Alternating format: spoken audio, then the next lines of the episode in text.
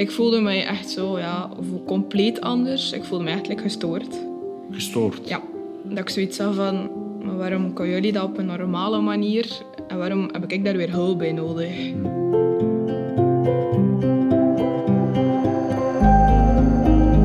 Gekuierd. Gestapt. Getreuzeld. Geversneld. Gerend. Gebotst. Dit is Over de Drempel. Een podcast van GTB waarin ik kuier, stap, soms wat treuzel, maar vooral de weg bewandel van en met iemand die botst tegen drempels. Hoge en harde drempels in de zoektocht naar werk. Drempels die ook opstapjes zijn. Ik ben Dominique, ik maak televisie en theater, praatjes en dus ook wandelingen. En vandaag wandel ik hier, met dit in mijn neus. Oh, ja, het is een intense geur. De geur van, uh, van zwembad eigenlijk, chloor. En met dit in mijn oren. Het is ook een goede zwembadklank, vind ik. Je kunt hier ook fitness, groepslessen, indoor cycling en zwemmen. Voilà. Voilà, mijn zintuigen zijn opgewarmd. En ook mijn hart en geest staan op scherp, klaar voor een bijzondere ontmoeting. Is dat tafeltje nog vrij? Daar zit ze, aan een rond tafeltje in de brasserie van Sportoase in Roeselare. Oké, okay, maar me er even bij zetten. Tuurlijk. Oké. Oh, voilà. De brasserie is gesloten, maar ik word verwelkomd door een open glimlach. De glimlach van Marlies. Ja, echt waar. Je hebt een hele schone glimlach. Ça va met u? Ja, met u? Ja, ja ça va eigenlijk. Ja. Ik vond het hier fijn om uh, hier toe te komen. En goh, ja, ik ga vaak zwemmen met mijn zoon, dus ik ben toch een beetje in de, in de sfeer. Uh, zwemde jij graag eigenlijk? Uh, sinds januari zijn mijn mama en ik gestart ah, ja, met hier te komen zwemmen. Ja, ja. En dat valt wel heel goed mee. Ja. Het is ook zo precies alsof dat wij de brasserie even afgehuurd hebben voor ons alleen. Want het voelt zo'n beetje aan als zo'n speeddate. Mm Zullen we elkaar zo wel leren kennen via speeddate even? Oké. Okay. Uh, wacht, zo, uh, we zullen beginnen met chips of chocolade? Tof chocola. Ja? Moet u nu eens wel weten? Mijn antwoord is ook chocola. Dus dat zit al snor. Uh, wat, wat is uw lievelingseten? Een witloof en hesp. Maar jongens toch, wij komen nu al keigoed overeen. Witloof en hesp? Ja. Oh, dat is heerlijk, hè? Zeg, heb jij een, een, een, een lievelingscd? Mijn favoriete artiest is toch wel Niels de Stadsbader. Niels de Stadsbader, schitterend. En, en waarom? Eh, omdat hij mij... Ik heb een heel moeilijke periode gehad, ja. Jaar geleden. En hij heeft mij daar toch wel doorgetrokken. Ja? Ja. Alright. En is er zo'n specifiek nummer, uh, een lijflied van Niels de Stadsbader, dat u doet denken aan... Goh, amai, had dat nummer er niet geweest... Uh... Dat is dan zo um, een beetje anders van Niels de Stadsbader. Omdat dat zo... Zijn tekst omschrijft mij wel. Ik ja. ben ook een beetje anders met dat ik de diagnose autisme heb. Ja. Is dat wel zo van... Oei, ik ben anders dan anderen. Ja. Maar toch ga ik daar wel mee om. Ja. Uh, zoet of zout? Vroeger was dat vooral zoet en nu is dat meer zout. Ja, lap. Nu heb ik hier lekkere zoete koekjes mee en dacht... maar maak je toch de koekjes of vreden? Dat mag, Ik heb ja. er wel zin in. Wacht, hè.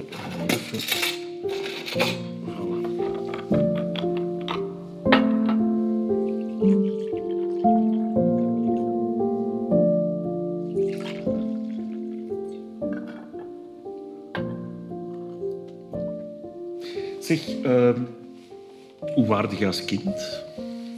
Als kind was ik een redelijk opstandig kind. Naar mijn ouders toe. Hm. Maar naar anderen ging ik altijd alles doen. Serieus? Ja. En, en, en waar kwam dat van? Of, of uh, die opstandigheid? Waar... Dat was gewoon als het mij niet lukte of, of het werd te veel, dan wist ik dat zelf niet, omdat ik maar op 17 jaar de diagnose autisme heb gekregen. Okay. Dus was dat voor mijn ouders wel heel hard zoeken van hoe en wat dat, dat allemaal was. Ja. En dan, als het mij te veel werd, dan waren mijn ouders de twee slachtoffers. Ja. En, en hoe uitte die opstandigheid zich? Dat ging ik ja, niet agressief worden, maar ging ik toch wel zo met deuren smijten en zo roepen en tieren, zo al van die dingen. Maar ik ga nooit allee, fysiek iemand iets aandoen.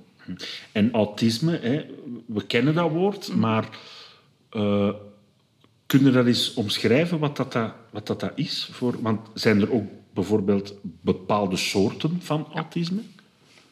Je hebt het uh, PDD-NOS, het klassiek autisme en het syndroom van Asperger. En allee, ik weet eigenlijk zelf niet welke van de drie dat, dat bij mij is, maar het is wel een lichte vorm. En mensen met autisme hebben het soms wel moeilijk met drukte. Zoals er een grote groep mensen is en wij komen daarbij, is dat voor ons van, ja, oei, wat, wat doen wij hier? Wat doen wij hier? Wat doe je met autisme? En wat doet Marlies met autisme? Geeft het labelen nou vast bij haar woedeuitbarstingen of voelt het toch eerder aan als brandmerk? Dat hielp wel, omdat mijn ouders ook wisten van, ah, maar daarom reageer je Ja. zo. En dat wist ik ook van, daarom kan ik niet bijvoorbeeld op de markt en niet zeggen, gezellig, daar zit nat kermis is. Ik kan dat niet. En dan kwam dat zo wel allemaal, de puzzelstukjes vielen echt wel op zijn plaats. Ja. Maar toch was dat dan zo de periode, een paar weken erachter van, oei, ik ben nu wel anders of iemand anders. En dan voelde dat wel zo'n beetje van in het hokje geduwd Ja. worden. Want, allee, het is misschien een moeilijke vraag, maar hoe anders voelt je dan dan de anderen? Ik voelde mij echt zo, ja, compleet anders. Ik voelde me like, gestoord. Gestoord? Ja, dat ik zoiets had van, maar waarom kan jullie dat op een normale manier en waarom heb ik daar weer hulp bij nodig? En stoorde u het dan ook dat andere mensen dat misschien niet begrepen? Ja, U- er waren heel veel mensen die dat niet begrepen. Bijvoorbeeld ook een vriendin van mij, dat was een supergoeie vriendin. En plots zei zij tegen mij, recht in mijn gezicht, hij moest zwijgen, autist. Mo. En dan dacht ik zo van, oké, en hij is dan altijd mijn beste vriendin geweest. En dat was wel heel moeilijk. Ja, dat snap ik wel, want ineens wordt dat een, een verwijtwoord, Ja. autist. Terwijl dat eigenlijk... Mag ik dat zeggen dat het een, een, een aandoening is? Of, of hoe, hoe moet ik het benoemen? ik noem dat nu zelf ook geen beperking, want dat is eigenlijk geen beperking. Want wij kunnen alles doen wat we willen. Het enige is gewoon dat wij een klein beetje moeten aan onszelf denken. Want van autisme wordt ook gezegd dat je veel meer intenser hè, de wereld beleeft. dat Daarmee dat je vaak misschien, als er te veel prikkels zijn, dat misschien niet aan kan. Maar. Het positieve aan autisme lijkt me net dat je heel intens de dingen beleeft. Dat kan ook heel mooi zijn. Of, of, of is dat niet zo? Dat is wel waar. Bijvoorbeeld als ik een boek lees, iemand anders gaat dat wel lezen. Hij weet wat er erin staat. Maar ik ga echt wel alle details gaan weten over hoe dat, dat gaat. En dan bijvoorbeeld bij spreekbeurten was dat echt wel tof om te zien van... Ah, maar ik kan dat hier effectief wel. En, en wat is dan het negatieve aan dat autisme? Of wat dat voor u het, het minst leuk aanvoelt? Voor mij is ook vooral wat ik heel hard mee verveeld zit, is eigenlijk het gevoel tonen. Als ik bijvoorbeeld super gelukkig ben dat mijn vriend bij mij is als verrassing, dan lukt dat mij niet om dat te tonen naar hem. En dan krijg ik ook veel die opmerking van, maar zeg je eigenlijk niet blij dat ik hier ben? En dan zeg ik van ja, hij heeft ook autisme. Dus wij vullen elkaar op dat vlak wel aan. Uw vriend heeft ook... Ja. eh, en hoe, eh, als ik dat mag vragen, het is toch onze date, eh, hoe heb je hem leren kennen? Via een datingsite. Echt waar? Ja.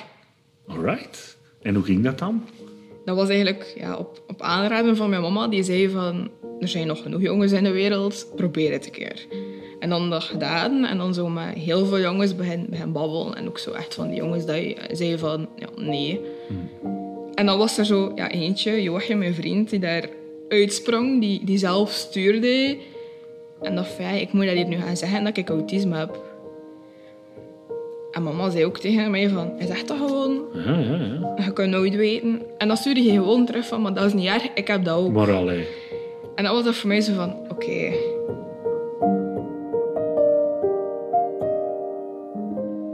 Ja, sinds u 17 heb je dan dat label ASS. Ja. Wanneer was het voor u de eerste keer duidelijk in uw jeugd dat je zoiets had van hé, hier klopt iets niet, ik heb meer structuur nodig of zoiets? Ja. Had dat ook met structuur te maken? Ja. Of, wa- wanneer was dat voor u de eerste keer dat je dacht van hé, hier is iets niet pluis? Dat merkte ik wel als ik van het zesde leerjaar naar het eerste middelbaar ging. Ja? Dan was dat zo van, oei, krijg nu iedere uur een andere leerkracht. Ja, oké. En ik was gewend van mijn structuur van iedere dag staat dezelfde leerkracht voor je neus. En dan was dat even wel wennen. Ja. Dat duurt dan nog wel even eer dat je dat label krijgt. Hè? Ja. Dat zijn dan pittige jaren geweest in het middelbaar, kan ik me inbeelden. Want Ja. dat is inderdaad die overgang van... van ja, je hebt een hele dag les van één iemand Mhm. en ineens krijg je les van 12, 15 leraars. ja. Hoe, hoe, hoe ging je daar dan mee om? Dan was dat zo van, ik laat het op mij afkomen. En ik zie wel, lukt het niet? Ja, wel, het lukt niet. Maar dan was dat zo van, ja, oei, het lukt niet. En ja, het lukt niet. Ja. Lukt het niet, dan lukt het niet. Marlies legt zich erbij neer. En zo loopt ze school, loopt ze tegen drempels, maar stapt ze er uiteindelijk ook over. Ze stapt zelfs in een nieuwe opleiding. Ik heb eigenlijk twee jaar jeugd- en gehandicaptenzorg gedaan. Oké. In Kortrijk, vijfde en zesde middelbaar. Ja. En dan was ik ervan overtuigd van, ik ga leerkracht worden. Hmm. Maar dan hebben mijn ouders mij ook wel duidelijk gemaakt van... Dat kan zijn dat dat een hele grote droom is. Maar die studies gaat dat lukken.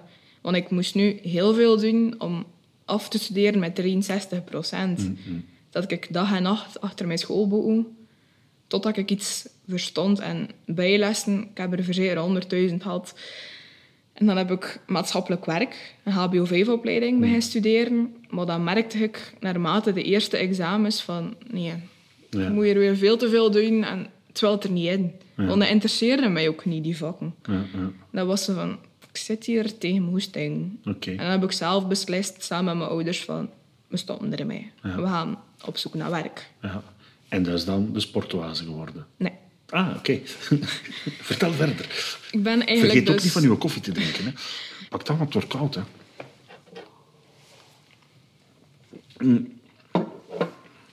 Ik ben eigenlijk opvoeder van diploma. Hmm. Dus heb ik dan gedacht, ja, ik kan dat hier, ik ga ik als opvoeder gaan werken. Ja. Maar dan kreeg ik de deur recht in mijn gezicht. Dan wist ik van, oei, ik kan dat niet. Ik neem veel te veel mee naar huis. En dat was heel moeilijk om te plaatsen. Bijvoorbeeld mensen die 50, 60 jaar zijn, die dan een mentale leeftijd hebben van drie, vier jaar. En dat vond ik dan heel moeilijk. Volwassen mensen die voor je neus staan en zeggen, gaan we kleuren. Want ik neem aan, je zegt, ik, ik nam daar veel mee naar huis. Hè. Ja. Heeft dat ook te maken met, met eh, eh, uw autisme? Ja. Dat, dat dat meer blijft plakken? Ja, dat is wel waar. Ja. Mijn ouders zien dat wel aan mij. Als ik bijvoorbeeld een probleem heb, ga je dat ook direct zien aan mij. Ah, ja, ja. Als het niet lukt, ik ga niet dan mijn masker kunnen aandoen Ja, en ja. ermee zitten liggen. Absoluut niet. Want Marlies heeft geen masker, vermomt niks en ontmaskert op eigen kracht haar kunnen en willen. Ze wil geen opvoeder worden, ze wil iets anders. Maar wat? We zitten hier in Sportoase, een belangrijke plek. Ja. Hoe, hoe, hoe is dat gegaan hier? Om, om, allee, hoe heb je deze plek ontdekt? Dat was eigenlijk gewoon op de VDAB aan het scrollen tussen alle vacatures, omdat ik al heel lang op zoek was. En ik dacht zo bij mezelf van, nou, dat gaat toch nooit lukken. En dan zei mijn begeleider Freek van, probeer dat, kun je weten. En dan heb ik hier gesolliciteerd en dan kreeg ik direct een mailtje terug van, oké, als je wilt, mag je komen op gesprek. Vertelde dan meteen van, ja, ik heb eh, eh, autisme? Nee. Of nee? Ik heb dat niet meteen gezegd, want op sollicitatiegesprekken zeg ik dat eigenlijk praktisch nooit, omdat ik niet wil dat de mensen mij anders zien. En dan dacht ik van, ik ga het hier toch maar voor doen, omdat ik hier mij zo op mijn gemak voelde. En dacht ik van, ik ga hier al beginnen stages aanbieden, want hoe rapper dat ik hier ben geraakte, hoe beter. Hoe rapper, hoe beter. En dat lukt. Marlies mag aan de slag als administratief medewerker. Ze doet computerwerk en staat aan de balie ook klanten te woord. Alleen en toch sociaal. Een nieuwe drempel in haar leven. Hoe zou je dat omschrijven eigenlijk, uw job hier? Er zijn veel mensen die zeggen van, je zit daar maar vier of acht uur, of het is heel lang dat je zit, achter een bureau. Maar de mensen vergeten wel dat wij constant moeten vriendelijk zijn. En als wij nu een boze klant voor ons hebben, kunnen wij ook niet zeggen van, een moet drukke plan. Ja. En dat is dan eigenlijk heel gevarieerd als takenpakket. De, Mijn ene collega doet de uurroosters, de andere doet de stoktelling. Maar wij doen wel eigenlijk allemaal hetzelfde qua werk op de computer. ja. Maar je werkt op de computer, maar tegelijkertijd, zoals dat gezegd, moeten ook wel hè, klanten ontvangen. Dus is het een beetje eh, een combinatie van sociaal kunnen zijn Ja. met de klanten en tegelijkertijd toch ook wel op je eigen been kunnen zijn. Is dat een leuk evenwicht? Of? Ja, want allee, in het begin was ik totaal niet sociaal. En dan dacht ik van ja, maar ik heb wel een sociaal beroep gestudeerd. Ja. En dan ben ik hier totaal niet sociaal. Ja. En dan wou ik absoluut naar het administratieve gaan. En dan was dat wel iets van, hier kan ik dat wel combineren. Ja, ja, ja. Ja. Want is dat de job die je eh, voorlopig even heel hard wil blijven doen? Ja. ja? Weet je nog de eerste keer dat je hier toe kwam? Herinner je je dat nog? Ja, moment? heel goed. Ja, hoe was dat? Dat was met een heel bang hartje dat ik hier toe kwam. En er zat ook niemand aan de balie. En dat was van, wat moet ik nu doen? Help. En dan heb ik gewoon mijn angst overwonnen, zeg maar, en gebeld naar de persoon met wie dat ik een afspraak had. En dan is die gewoon naar buiten gekomen. En dan voelde ik al zo direct van, oké, het zit hier goed. Alright. En, en eh, heb je leuke collega's? Tuurlijk. Ja. En weten zij van, van uw ASS, zal ik het noemen? Want ASS, Ja. is, dat, is dat een... Autisme spectrumstoornis. Dat is de officiële Ja. naam. Hè? Autisme spectrumstoornis. Ja. Kijk eens aan, ja. Hele mond vol. Ja. En we- weten uw collega's dat? Heb je daarover gepraat met hen? Of, of heb je zoiets van, ja, nee, ik wil net niet dat ze het weten? Sommigen weten het wel en moet zeggen, drie vierde weet het ook wel. Eh, Wat ik eigenlijk, ja, dat zijn geen collega's meer, dat zijn echt wel vrienden aan het worden. Ja. Want zij weten eigenlijk heel mijn leven. En wij vertellen ook heel veel tegen elkaar. We zijn maar met vier in het team van de Bali. En toch merk je dat we een heel sterk team zijn. Ja, ja. Zeg, ik heb nu wel zin door, door daar allemaal over te praten om even toch eens een wandelingsje te doen doorheen de sportoase. Kan dat? Dat is super. Oké. We? Ja. Oké. Ik volg u, hè.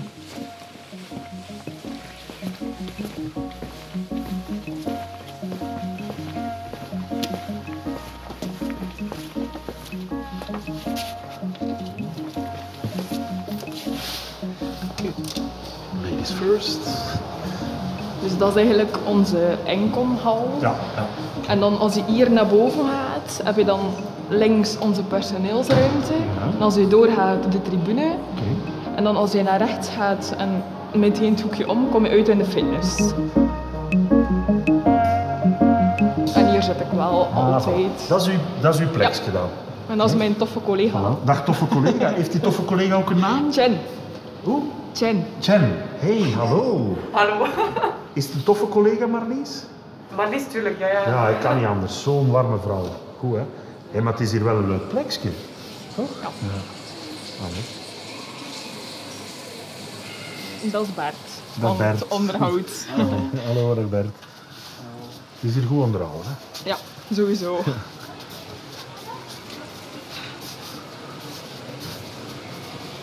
En dan heb je hier het recreatiebad. Oh, oké. Oh, ik heb zin om daarin te springen, maar dat gaan we niet doen. Hè.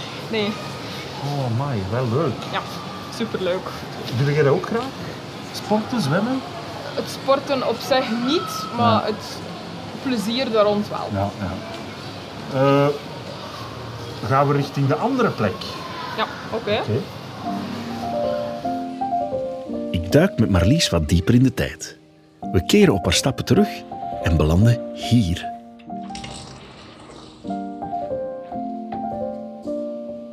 Marlies, over welke drempel zijn we nu gestapt? Bij Freek en GTB. GTP. Ehm, het is een vrij zachte drempel eigenlijk om hier over te Ja. wandelen. Herinner je je nog de eerste keer dat je hier die drempel Ja. overgestoken? Dat was samen met mijn mama. Ja. Zij is dan de eerste keer meegekomen om mij toch een beetje te steunen. Oké. En eh heb je daar nu fijne herinneringen aan? Ja. Ja. Want was dat een opdracht om die drempel over te steken om hier bij GTB aan te kloppen? Dat was wel een redelijke opdracht om te zeggen van ik ga gespecialiseerdere hulp zoeken. Marlies belandt tijdens haar zoektocht naar werk bij GTB. Een gespecialiseerd team dat mensen met een beperking helpt om werk te vinden en te houden. We nemen de trap naar boven en ontmoeten er Freek, haar arbeidsbemiddelaar. Hallo Marlies. Aha, dat moet Freek zijn, Ja, inderdaad. hè? weet jij nog uw eerste ontmoeting met Marlies? Hoe dat, dat was? Ja, ik kan me dat wel nog herinneren. Ja. Dat was, eh, ja, bij ons noemt dat een intakegesprek. Ehm, Marlies was heel nerveus in het begin. Eh, het heeft een eindje geduurd om je vertrouwen te winnen, maar dat is uiteindelijk wel gelukt. hè. Ja.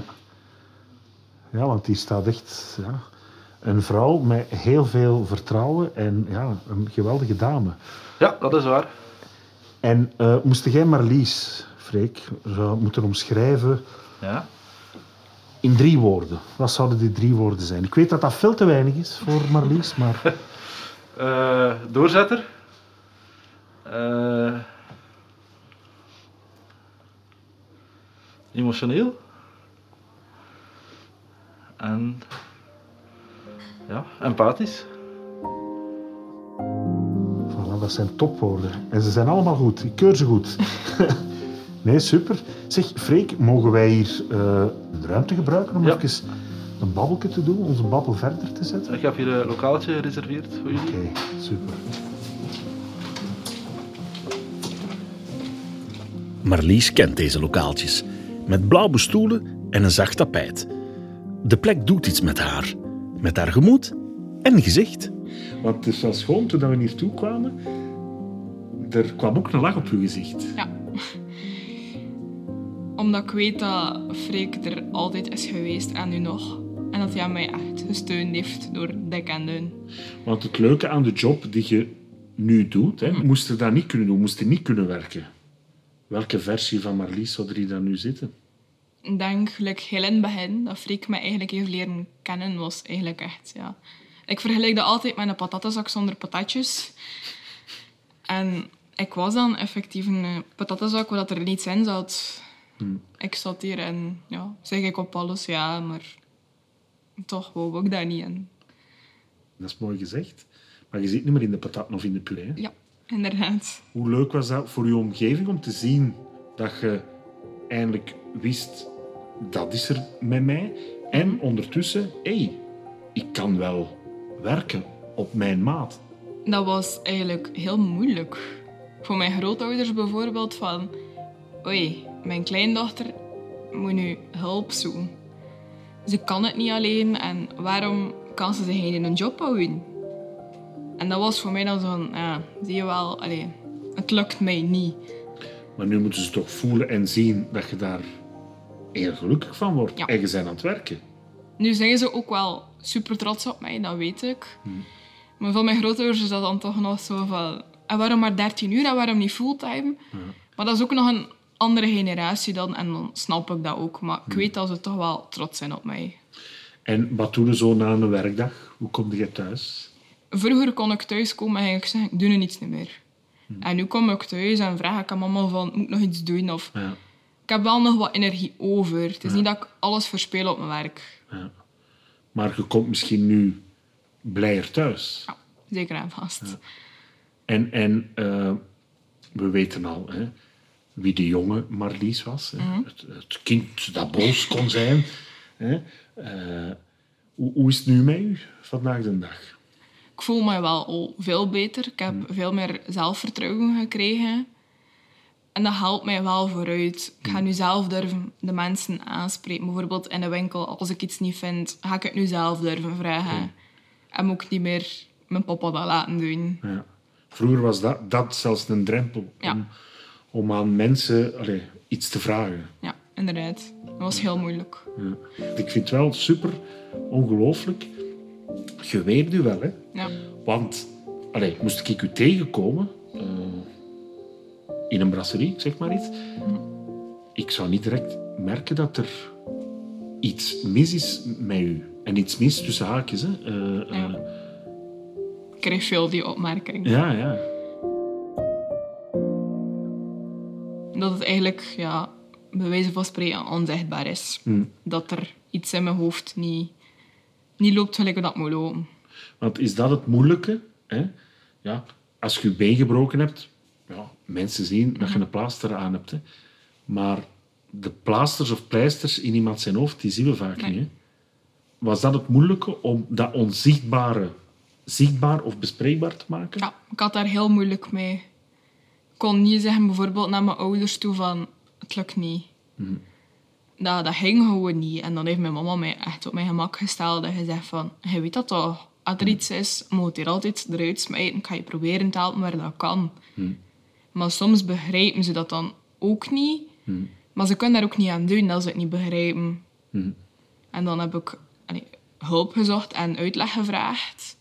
Van, wil je dan een keer uitleggen aan mijn ouders toe wat dat autisme juist is? En dan hebben ze dat ook gedaan. En nu merk ik wel dat ze er veel beter mee om kunnen. Zeg, eh, worden nu soms ook nog boos zonder aanleiding? Ja. Dat er iets gezegd wordt tegen mij die totaal niet slecht bedoeld is. Maar dat ik dat wel soms verkeerd opvat. En hoe probeer je daarmee om te gaan? Dat is wel heel moeilijk, omdat dat voor mij iets is van ik doe weer iets verkeerd en het is weer allemaal mijn schuld. En dan durf ik wel een keer uitbarsten. Dat is waar. En na de boosheid komt dan ook het verdriet Ja. vaak?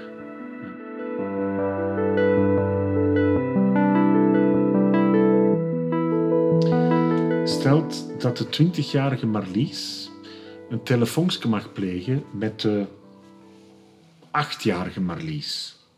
Ja, Wat zouden ze zeggen tegen die 8-jarige Marlies? dat ze eigenlijk sterk moest staan. Dat ze het niet mag laten doen, door wat er allemaal gezegd geweest is. Gewoon dat ze echt wel er zelf moest zijn. En stelt, om het nog eens moeilijker te maken, stelt dat je binnen 10 jaar met jezelf afspreekt, als je 30 bent. Ja. Hoe ziet uw toekomst eruit als 30-jarige? Waar wil je dan staan? Dat ik nog altijd het geluk mag hebben om in sportoase te werken. Dat ik wat meer uren zou krijgen. Dat zou wel heel leuk zijn. En dat ik met mijn vriend toch wel huisje, tuintje, boompje, kindje kan doen. Ja, oké. Zou je graag mama worden? Ja, heel graag. Ja, oké. Heb jij zo een levensmotto? Een lijfspreuk? Dat is nog van heel vroeger eigenlijk, dat ik dat leren kennen heb. En dat is wat dat gisteren gebeurd is, is gisteren gebeurd. Wat er morgen gaat gebeuren, gebeurt morgen. Maar nu focussen op, on- op ons vandaag. Hier en nu. Ja. Ja, En lukt dat? Soms wel, soms niet. Hm, Wanneer lukt dat niet? Als het bijvoorbeeld slecht opstaat, dan is dat zo van... nou Ja, oei, nee, dat wordt mijn dag niet vandaag.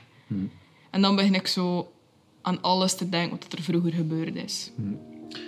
Wij zijn dit gesprek begonnen eh à la speed dating. Ja?